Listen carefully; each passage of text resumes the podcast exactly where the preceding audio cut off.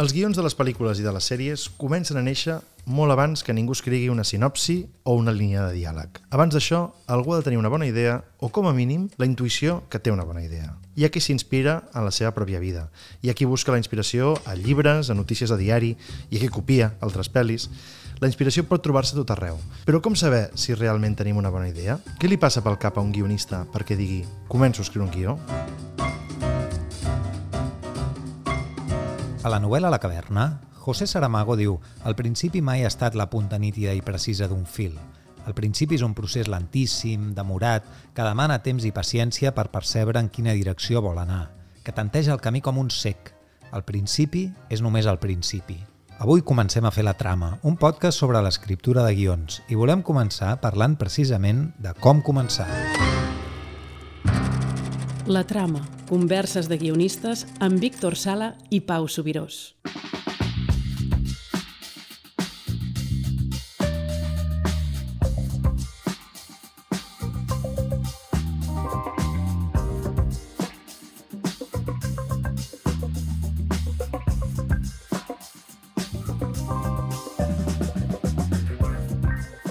El principi és només el principi. Doncs d'això volem parlar justament avui a la trama, de com començar, aprofitant que és justament el nostre primer programa. Jo sóc el Pau Subirós, al meu costat tinc el Víctor Sala. Hola, Víctor. Bones, Pau. Què Com tal? estàs? Molt bé. Jo la veritat és que estic una mica preocupat per, per, per posar-nos una mica metes eh, de com hem de començar aquest podcast. Com hem de No, començar? sí, no sé si hauríem d'haver pensat alguna, alguna cosa per fer un inici més, més, no sé, amb algun misteri, posar algun cadàver. Algun al cadàver, home, episodi, que en això el sempre... primer minut de podcast, això és, Això sempre ve, no? Algun, això, algun cliffhanger, algun ganxo a l'inici, no sé, alguna música més suggerent. I, mm, de fet, potser haguéssim pogut començar una mica a immediar res i dir-li a, la, a la convidada que tenim avui al programa que, que comencés a parlar, però sense dir quin és el nom, per generar una mica de misteri. El tema és que crec que, com que els podcasts funcionen d'aquesta manera, on la gent clica abans un link abans de saber-ho, crec que potser ja hauríem vist qui és la, qui és la nostra convidada d'avui. Però sí que també ens ve molt de gust, eh, avui que ens estrenem amb aquest, amb aquest primer episodi del podcast, de la trama, a que la nostra convidada ens expliqui també de com comencen a caminar els projectes que escriu i com li venen això, si li venen imatges, si li venen um, fragments, eh, quin tipus de- de- d'idees comencen a, a ser incipients al seu cap abans de posar-se a escriure. Jo crec que ja podem desvelar-ho, Sí. no? Ara. Clara Roquet, com estàs? molt bé, molt contenta d'estar aquí.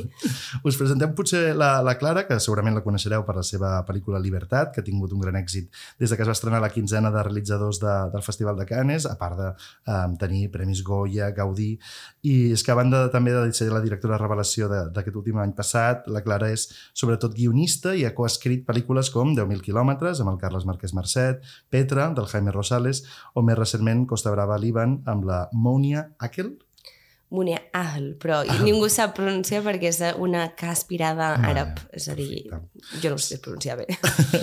a banda dels curtmetratges que ella mateixa ha dirigit com El Adiós o Les bones nenes.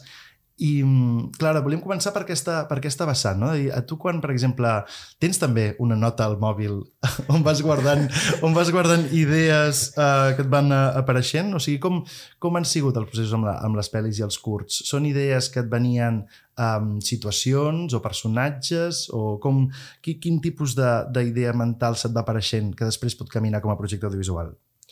doncs és molt curiós perquè ho estava pensant ara. Ara m'ha agradat molt la cita del Saramago d'abans, mm. Perquè per mi no hi ha un únic mètode ni un, una única manera eh, en com se m'apareixen les idees. De fet, sempre és molt random i m'encantaria poder trobar un patró per poder-lo analitzar i poder-lo reproduir, però no és veritat. Uh, crec que és posar ordre al caos sempre. A vegades, per exemple, el, el meu primer curtmetratge, que és el primer que vaig escriure, diguéssim, per dirigir jo, um, va ser una idea que, que, era un, que vaig escriure com a conte. Feia molts anys que en, en el seu moment se'm va aparèixer uh, bastant formada, curiosament, perquè és una situació que vaig viure en la vida real que es va anar modificant. I vaig dir, això és, una bona, això és un bon curt. I se'm va aparèixer ja en format curt, a més a més. Després, Libertat, vaig donar moltíssimes voltes, sabia que volia escriure sobre la família i, per altra banda, sabia que volia extendre el tema que havia començat a, a parlar amb el Adiós. I van ser, ho explico molt perquè és, perquè és molt curiós i crec que és molt significatiu de les voltes que dones a vegades per trobar una idea o per trobar com clar que és una idea, no? Que, perquè una cosa és una idea i l'altra cosa és l'argument d'una pel·lícula. És que són coses molt diferents. La idea és com aquesta primera guspira de aquí ja, per exemple, m'està passant molt ara amb la pel·lícula que estic escrivint ara, que és la meva segona pel·li, espero que ho sigui algun dia, que mm, de l'espurna original a on estem ara, ha canviat ja moltíssim, bastant ràpidament. També tinc un, tinc un grup de WhatsApp amb mi mateixa, on no hi ha ningú més. Com es diu aquest grup de WhatsApp? Quin títol li has posat? Es diu El rei, que és, que és, com, és com es diu la pel·lícula. Es dirà, no ho sé, no sé si es dirà El rei, ara mateix es diu El rei.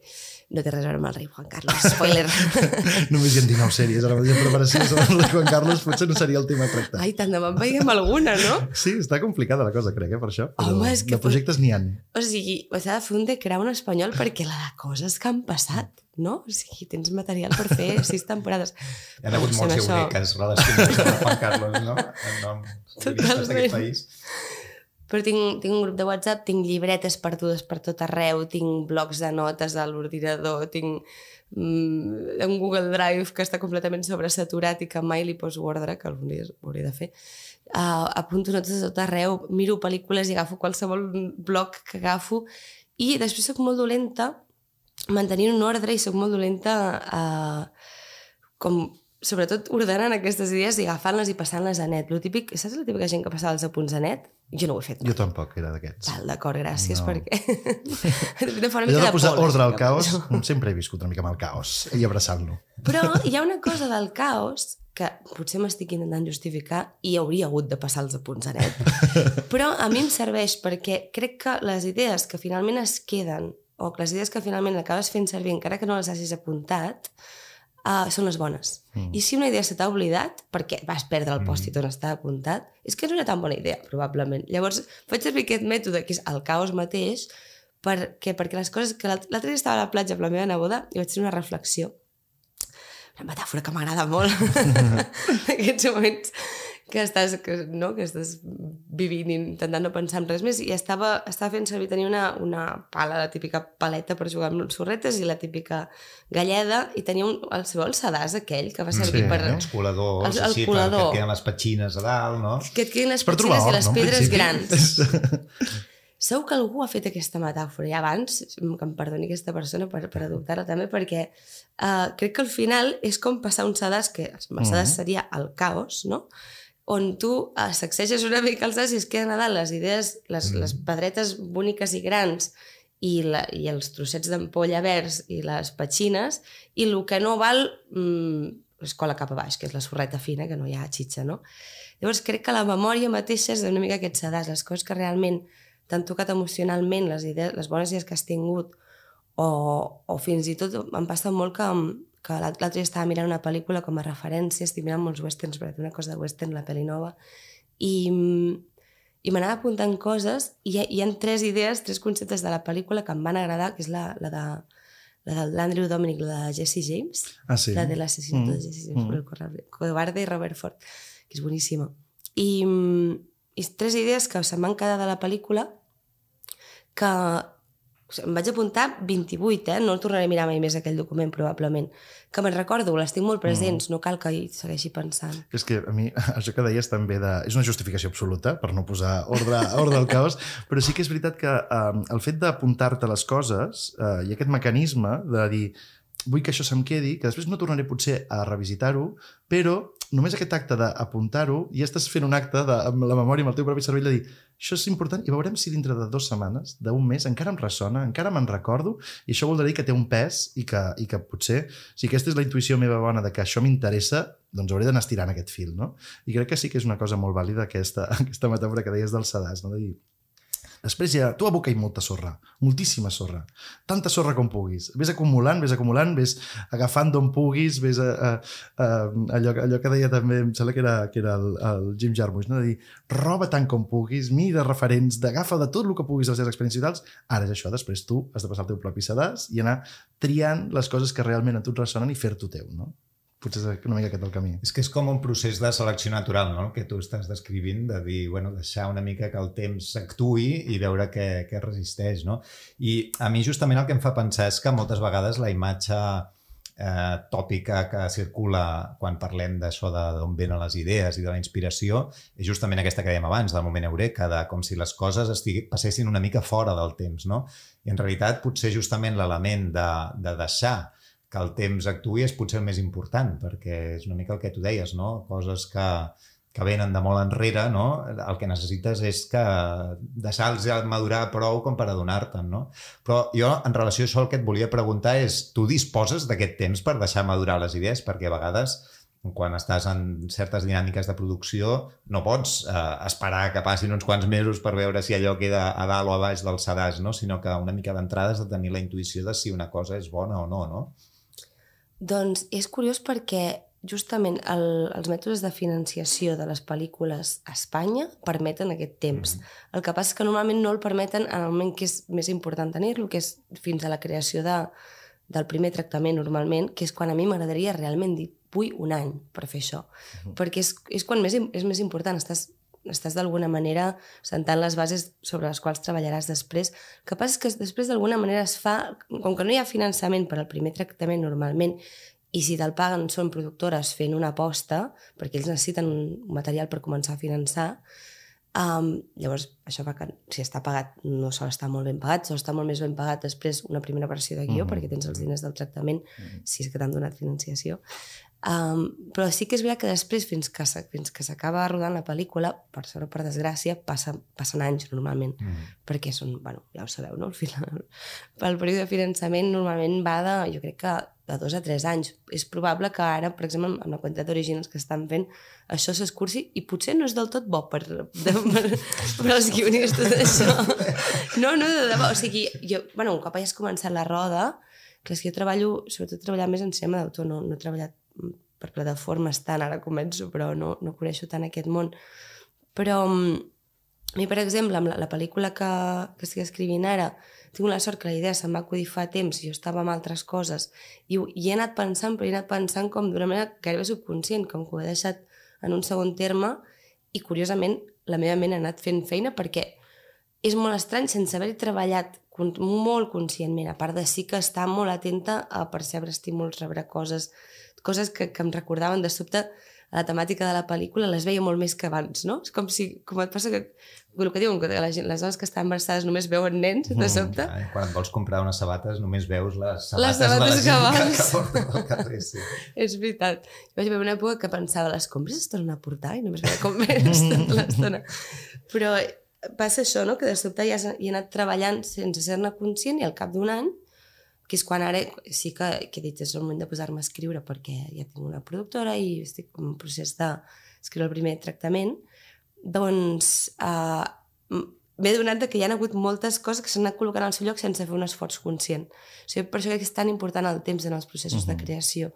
És veritat que hi ha, hi ha, per exemple, em va passar amb el primer curt que com que era una idea tan concreta, em va sortir molt ràpid.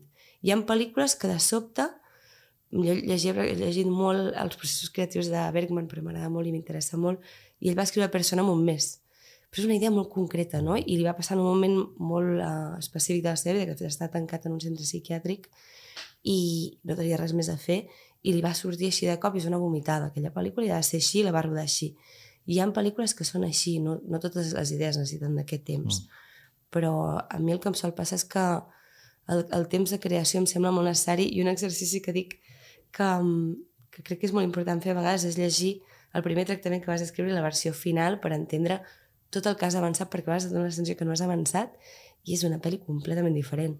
Uh -huh. O sigui, tu, tu continues sent el mateix, però és allò, el riu ha passat moltes vegades, no? I és això, i, i aquest canvi de, de... I comentaves que, per exemple, amb Libertat sí que tenies ganes de, de parlar del tema de la família i a partir d'aquí no, buscar. Normalment l'impuls et ve així? És aquest eh, primer buscar diguéssim, quin tema vols explorar i a partir d'aquí et poses més a escriure? O, o va una mica depenent de, de cada projecte i depèn també del, dels entorns? Depèn de cada projecte. Aquí estem parlant de, del meu material, el, el que genera jo, diguéssim, perquè després en altres casos són els directors molts vegades que em proposen uh -huh. un tema, llavors de veure si és un tema o una història que, que, que, que pugui aportar alguna cosa o no, perquè que em faci vibrar d'alguna manera. Jo tenia un, un professor de, d'escriptura dramàtica, l'Abelio Estevez, que és cubà, que deia una cosa molt bonica a la classe, que deia um, que tots tenim un jardí interior, no? I que hi ha certs temes que ens fan vibrar més que d'altres. I que és molt important conèixer aquest jardí interior. I jo sóc molt conscient de que hi ha uns temes, o m'he tornat molt conscient, potser per, per, per pensar-hi molt, que hi ha uns temes que, que a mi em fan vibrar. El tema de la família, la memòria, um, les relacions paternofilials, no? Hi ha com temàtiques que, que quan veig una pel·lícula d'aquest tema m'emociona més que una altra. Um, també van variant molt al llarg de la meva vida, no? Ara, per exemple, uh, per, per coses vàries estic molt centrada en relacions maternofilials i que quan llegeixo llibres que van d'això em toquen més que d'altres. Però depèn del moment vital i de les coses que m'han anat passant i suposo que aquest jardí interior anirà variant depenent de les experiències que vagi tenint. Però és veritat, per, finalment, contestant a la teva pregunta, que, que moltes vegades començo per una sent conscient que hi ha una temàtica concreta sobre la qual vull escriure i després trobant una primera guspira, una primera cosa, llegint un article um, per exemple, en Libertat va ser en el procés de càsting de l'Adios que vaig dir, vull parlar d'aquest tema concret que és de les dones que han de deixar enrere els seus fills eh, per, per venir a cuidar altres famílies aquí que se'n va juntar amb una altra temàtica, no? O en el cas de, del rei va ser començar a llegir sobre jugadors de polo a l'Argentina i sobre els seus processos de cria i bueno, coses molt complexes que no, no hi puc entrar ara perquè eh, només, només parlaria d'això ara mateix perquè estic molt ficada. Uh, I se'm, se va encendre una guspira i va dir, vale, vaig dir, vale, volia parlar d'aquest tema, doncs ara agafo això i, i és l'excusa per parlar-ne. Perquè una pregunta, un, un, una altra recomanació habitual no, de professors d'escriptura i, i que moltes vegades reps en tallers d'escriptura és aquesta de mm, buscar una imatge, una mena de nucli generador que el tinguis molt clar, el que sempre pugui anar tornant, no? quan d'alguna manera t'extravies una mica no? durant el procés d'escriptura. Això és una cosa que tu també en general la tens molt clara en els projectes de això, una imatge a la que sempre pots anar tornant o és més difós? Com... Jo crec que el més important, um, la, ja, Sidney Lumet en parla molt bé d'això, és la metàfora central, mm -hmm. no? De, de, la metàfora central que tothom en diu de mil maneres diferents, al cor de la història, no? De què va la història? De què estàs parlant? Perquè aquest és el filtre, al final és el sedàs, no? Que parlàvem. Que, que, a més a més, les pel·lícules, després les sèries, crec que... No, també, també eh? necessiten aquesta concreció, no poden anar de mil coses, no? Llavors és quan es dispersa la trama i ja no, ja no s'escapa on vas. Però entendre molt bé quina és la metàfora central, que a vegades no l'entens fins que no portes diverses versions de guió. Eh? Això també és... Tens una, tens una intuïció de cap on has d'anar, uh, també és, li podríem dir el conflicte central, no? que és una mica el motor. El tema, el no? motor. pràcticament, sí. fins a cert punt també. Sí, jo crec que el tema i el motor són una mica diferents, eh? Com que el tema per mi és un, un ventall més gran i el motor eh, és, és, és el conflicte que fa avançar la trama i que sempre has d'anar retornant a aquest conflicte. D'alguna manera és com que fas un contracte amb el conflicte i és sempre... Hi ha escenes que no aniran directament d'això però que han de sumar alguna cosa en aquest conflicte i per mi la temàtica és més com el paraigües, diguéssim. Mm -hmm. Molt bé. Escolta, m'hem volgut sumar una altra veu a aquesta conversa, que és la del Pep Garrido, que ah, és guionista, és professor de guió a la Universitat Pompeu Fabra i ha dirigit diversos documentals i també el llargmetratge Sense sostre. I li hem preguntat com inicia els seus processos creatius i això és el que ens ha dit. Jo, i jo penso que la majoria de nosaltres, també entenem l'art i el cinema com un procés poètic de coneixement i d'autoconeixement en el sentit de que jo no faig una pel·lícula per executar alguna que veig claríssim. Jo almenys faig una pel·lícula per descobrir coses que no sé sobre mi mateix, sobre la vida, sobre els altres, etc etc. Per una pel·li, al principi de tot, fonamentalment és un misteri. És una porta tancada que només m'envia senyals que jo puc dir, ostres, tenen a veure amb mi, em diuen coses, intueixo vagament, però mai no passa de manera racional. Mai no és de dir, ara entenc val? sinó que sí que són unes ganes de dir, si jo em foto per aquí, aprendré coses que em seran útils com a creador, com a persona, etc etc. Val? I això a vegades eh, té a veure amb elements de l'argument que són biogràfics, és a dir, jo he viscut coses semblants i puc parlar-ne o tinc ganes d'explorar-les, però pot tenir a veure també amb els referents que es posen en joc, pot tenir a veure amb la persona que m'ho està proposant. És a dir, tinc moltíssimes ganes de currar amb aquesta persona. I, i per tant faig confiança i em foto aquí. Això també pot passar. Eh, pot tenir, I pot tenir a veure amb totes aquestes coses alhora. De fet, normalment és el que passa, que hi ha diverses coses en marxa que diuen ei, eh, aquí hi haurà molta feina, serà molt difícil, és una bogeria això que estem fent, però totes les senyals m'indiquen que m'hi foti de cap. I quan passa això, aleshores és quan m'hi foto. Quan passa tot això és quan ell s'hi fot. Tu quan t'hi fots? A veure, què ha de passar perquè diguis, vinga, de cap, aquí m'hi tiro? Jo sóc la persona més fàcil de convèncer del món. No és el meu problema. que m'hi tiro de cap masses vegades i després acabo, acabo fent massa coses al mateix temps. M'interessen molt les històries. Quan algú m'explica una bona història, dic, ostres, m'encantaria posar-me, ficar-me en aquest tema perquè per mi uh, el fet de, de ser guionista és una manera de poder saber una mica de tot, de, de, de posar mil, mil temes, i que la, la curiositat és el motor no? per mi. I sí que és veritat que faig una diferència molt gran entre um, quan em poso en una història d'una altra persona, que al final crec que uh, m'ha d'emocionar, m'ha d'interessar molt per sostenir no? l'interès al llarg del temps, que quan és una cosa uh, pròpia, perquè fer una pel·lícula és un procés tan kamikaze i tan dur que no és que t'hagi d'agradar una mica, és que o sigui, has, de dir, has de sentir que no podries no fer aquesta pel·lícula. Que si et quedes mai sense fer aquesta pel·lícula, sense explicar aquesta història, que després pot passar, eh, per raons vàries, um, te'n penediràs o et sabrà greu o, o sentiràs que t'has quedat amb una cosa dins que volies explicar i, i que ho necessites també com a procés, m'agrada molt que deia el Pep, com a procés personal d'autoconeixement, que hi ha alguna cosa en tu eh, que, que necessita potser sanar, és, o sanar o explorar-se o entendre's millor i que, que aquesta pel·lícula és la manera de fer-ho. També, eh, també penso que a mi, a mi em passa una cosa que és que els agafo molt carinyo als personatges i, i quan comencen a aparèixer els personatges sento que desenvolupo una mena de, de tracte amb ells, no? de que no, no es poden quedar en un calaix i, i m'estiven molt els personatges sempre. Bé, no els pots abandonar, els has de no. cuidar. Sí, és, és, és curiós, eh? Són, al final són... Cadascú té les seves raons, no?, per posar-se, per ficar-se en un projecte. Per mi és, sobretot, uh, que, que m'emocioni, no? que hi hagi una emoció que quan estic uh, veient coses que van d'aquest món, llegint coses que van sobre, que, que estan en aquest món, quan estic uh, escoltant una cançó o, o escrivint, sobretot, o escrivint idees o escrivint una escena, que m'emocioni. La trama, un podcast amb poc guió.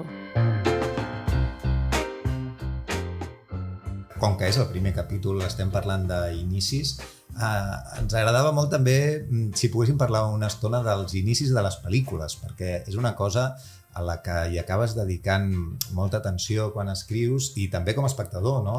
La, les primeres escenes al final sempre són una invitació a, a la pel·lícula, moltes vegades són realment una síntesi no? del, que, del que passarà durant les pròximes dues hores Uh, a mi, per exemple, m'agrada molt el, els Germans d'Ardent com a, com a...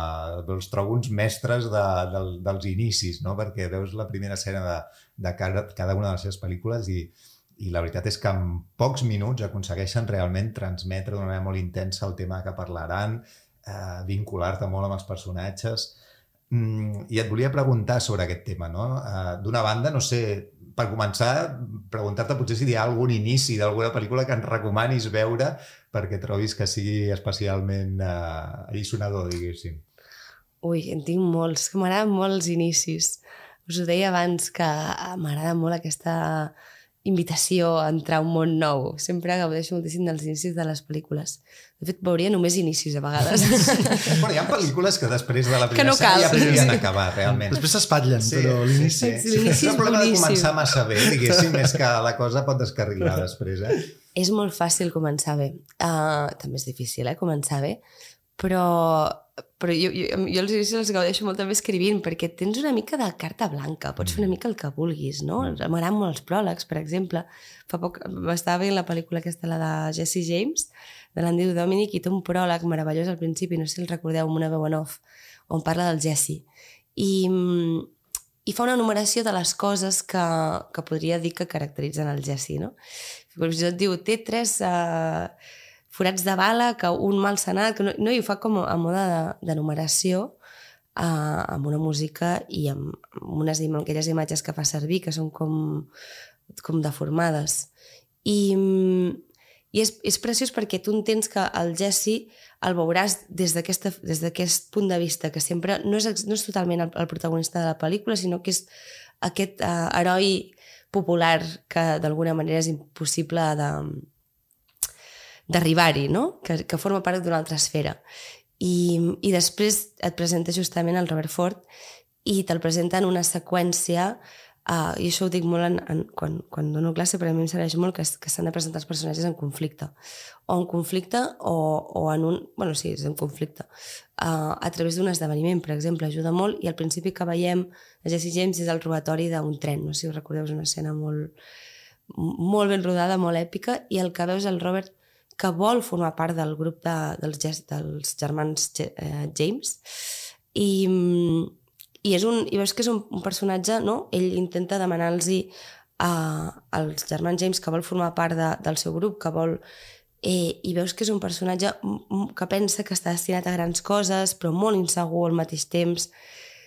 I tot això ho veus en una escena on ell demana formar part del grup i el germà del Jesse li diu que no, el Jesse l'acaba acceptant perquè accepta una mica tothom i perquè sap que aquest home vol tant um, formar part de, de, que l'admira tant, no?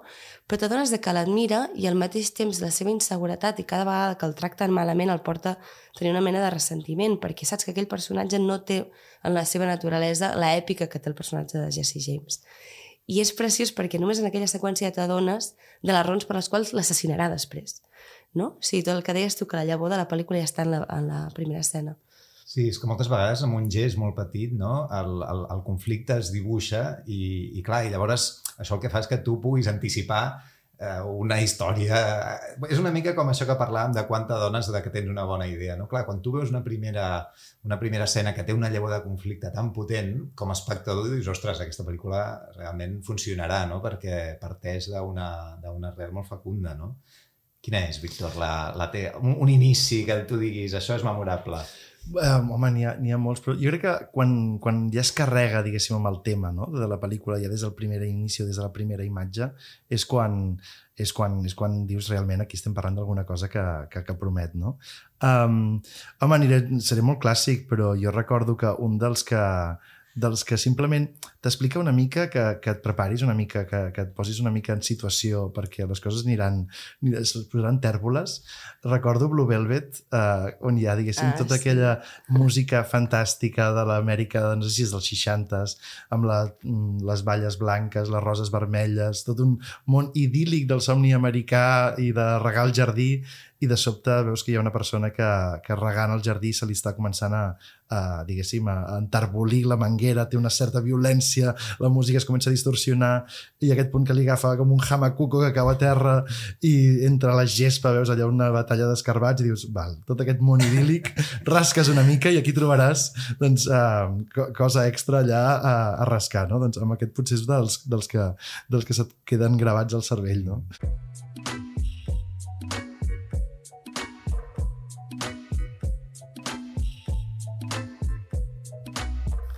I ara anem ja acabant, i abans d'entrar al clímax, sí que et volia... Ara veuràs què és, són unes preguntes curtes. I um, et volíem fer la pregunta de si hi ha algun recurs, algun podcast, alguna, um, allò, algun llibre, algun element que tu recomanis a l'hora d'escriure que et eh, consideris com de referència. Doncs uh, justament vaig a ser una mica polèmica i vaig a dir que no crec massa en els manuals de guió. Uh, no llegiu-me aquí. Recomano no llegim aquí, m'agrada bastant com a... L'anti-recomanació. No, sí, sí, llegiu-me aquí, llegiu-me aquí. Eh, llegiu el que vulgueu. Però no li feu cas. Però no li feu cas, exacte. exacte. veure, si, si li haguéssim de fer tots cas amb aquí, no s'haurien fet cas. No. moltes de les grans pel·lícules que s'han fet al llarg de la història. A mi em serveixen molt els llibres on els autors parlen del seu procés, justament. Autobiografies, no? Uh -huh. um, per exemple, un gran llibre sobre per mi, sobre cinema, i no necessàriament només sobre guió, és el del Walter Murch, el de, en el par, eh, The Blink of the Night. Sí, of night. Sí, sí. El, el moment del parpadeo. Exacte. El moment del parpalleig, anem a fer un català. I, I no té res a veure, és de muntatge, no? I a mi m'ha servit molt també per guió. Um, tots me llegeixo molt, me llegit molt uh, tots els llibres on Bergman parla del seu procés, no? per exemple, i un llibre que potser sí que parla més de... mm, bueno, que dona com eines, que em sembla molt... a mi m'ha servit molt, tampoc és de... mm, tampoc és necessàriament sobre- de guió, sinó que és de literatura, que és del Gianni Rodari, uh -huh. que és un autor italià de literatura infantil, que es diu Gramàtica de la fantasia, on ell parla com de diferents mètodes que ell desenvolupa com per... Bueno, que a ell li serveixen com per trobar idees, justament. Sí, crec que allà és on hi ha el decàleg aquest de, que es titula Com fer que els nens odien la lectura, no? Sí. sí. Sí. Són un seguit de consells molt irònics sobre tot el que has de fer si vols que els teus fills mm, disfrutin de llegir i està molt bé. Doncs ara ja per, a, per anar acabant, um, arribem a aquest moment en què et volem fer unes preguntes curtes a respondre també breument.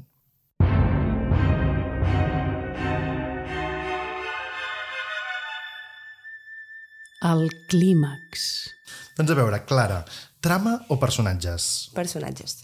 Per escriure, millor a la tarda, al matí o a la nit? En qualsevol moment, en realitat. Música o silenci? Silenci. Sola o en equip? En equip. Mirant referents o totalment aïllada del món? Mirant tots els referents possibles. Escalatar o dialogar? Que m'agrada més dialogar, que és més necessari escalatar. Escriure o reescriure? Escriure, escriure, sisplau. Experimental o narratiu? Narratiu. Cinema o televisió? Cinema. I ara la més delicada. Pots viure d'escriure? Sí. Moltíssimes gràcies per haver-nos acompanyat avui. Ha sigut la primera convidada de la trama. Estem honoradíssims de que hagi sigut així i molt contents d'haver pogut compartir amb tu aquesta estona. Moltes gràcies, m'agrada moltíssim aquest podcast i espero que us vagi molt bé perquè crec que no n'hi ha cap a Catalunya sobre jo crec que guió. sobre, sobre guió crec que no, no masses. Convidadíssima a tornar quan vulguis. Sisplau, m'he passat molt bé, moltes gràcies per convidar-me. I a tots vosaltres que, que heu trobat aquest podcast en alguna de les plataformes de, de podcast en les que es distribueix, doncs moltes gràcies per, per sentir-nos en aquest primer episodi. Recordeu que cada setmana n'anirem penjant un de nou a totes les plataformes i esperem retrobar-vos eh, ben sovint. Eh, mentrestant, fins la setmana que ve, doncs bona escriptura. I bona reescriptura. Que vagi bé.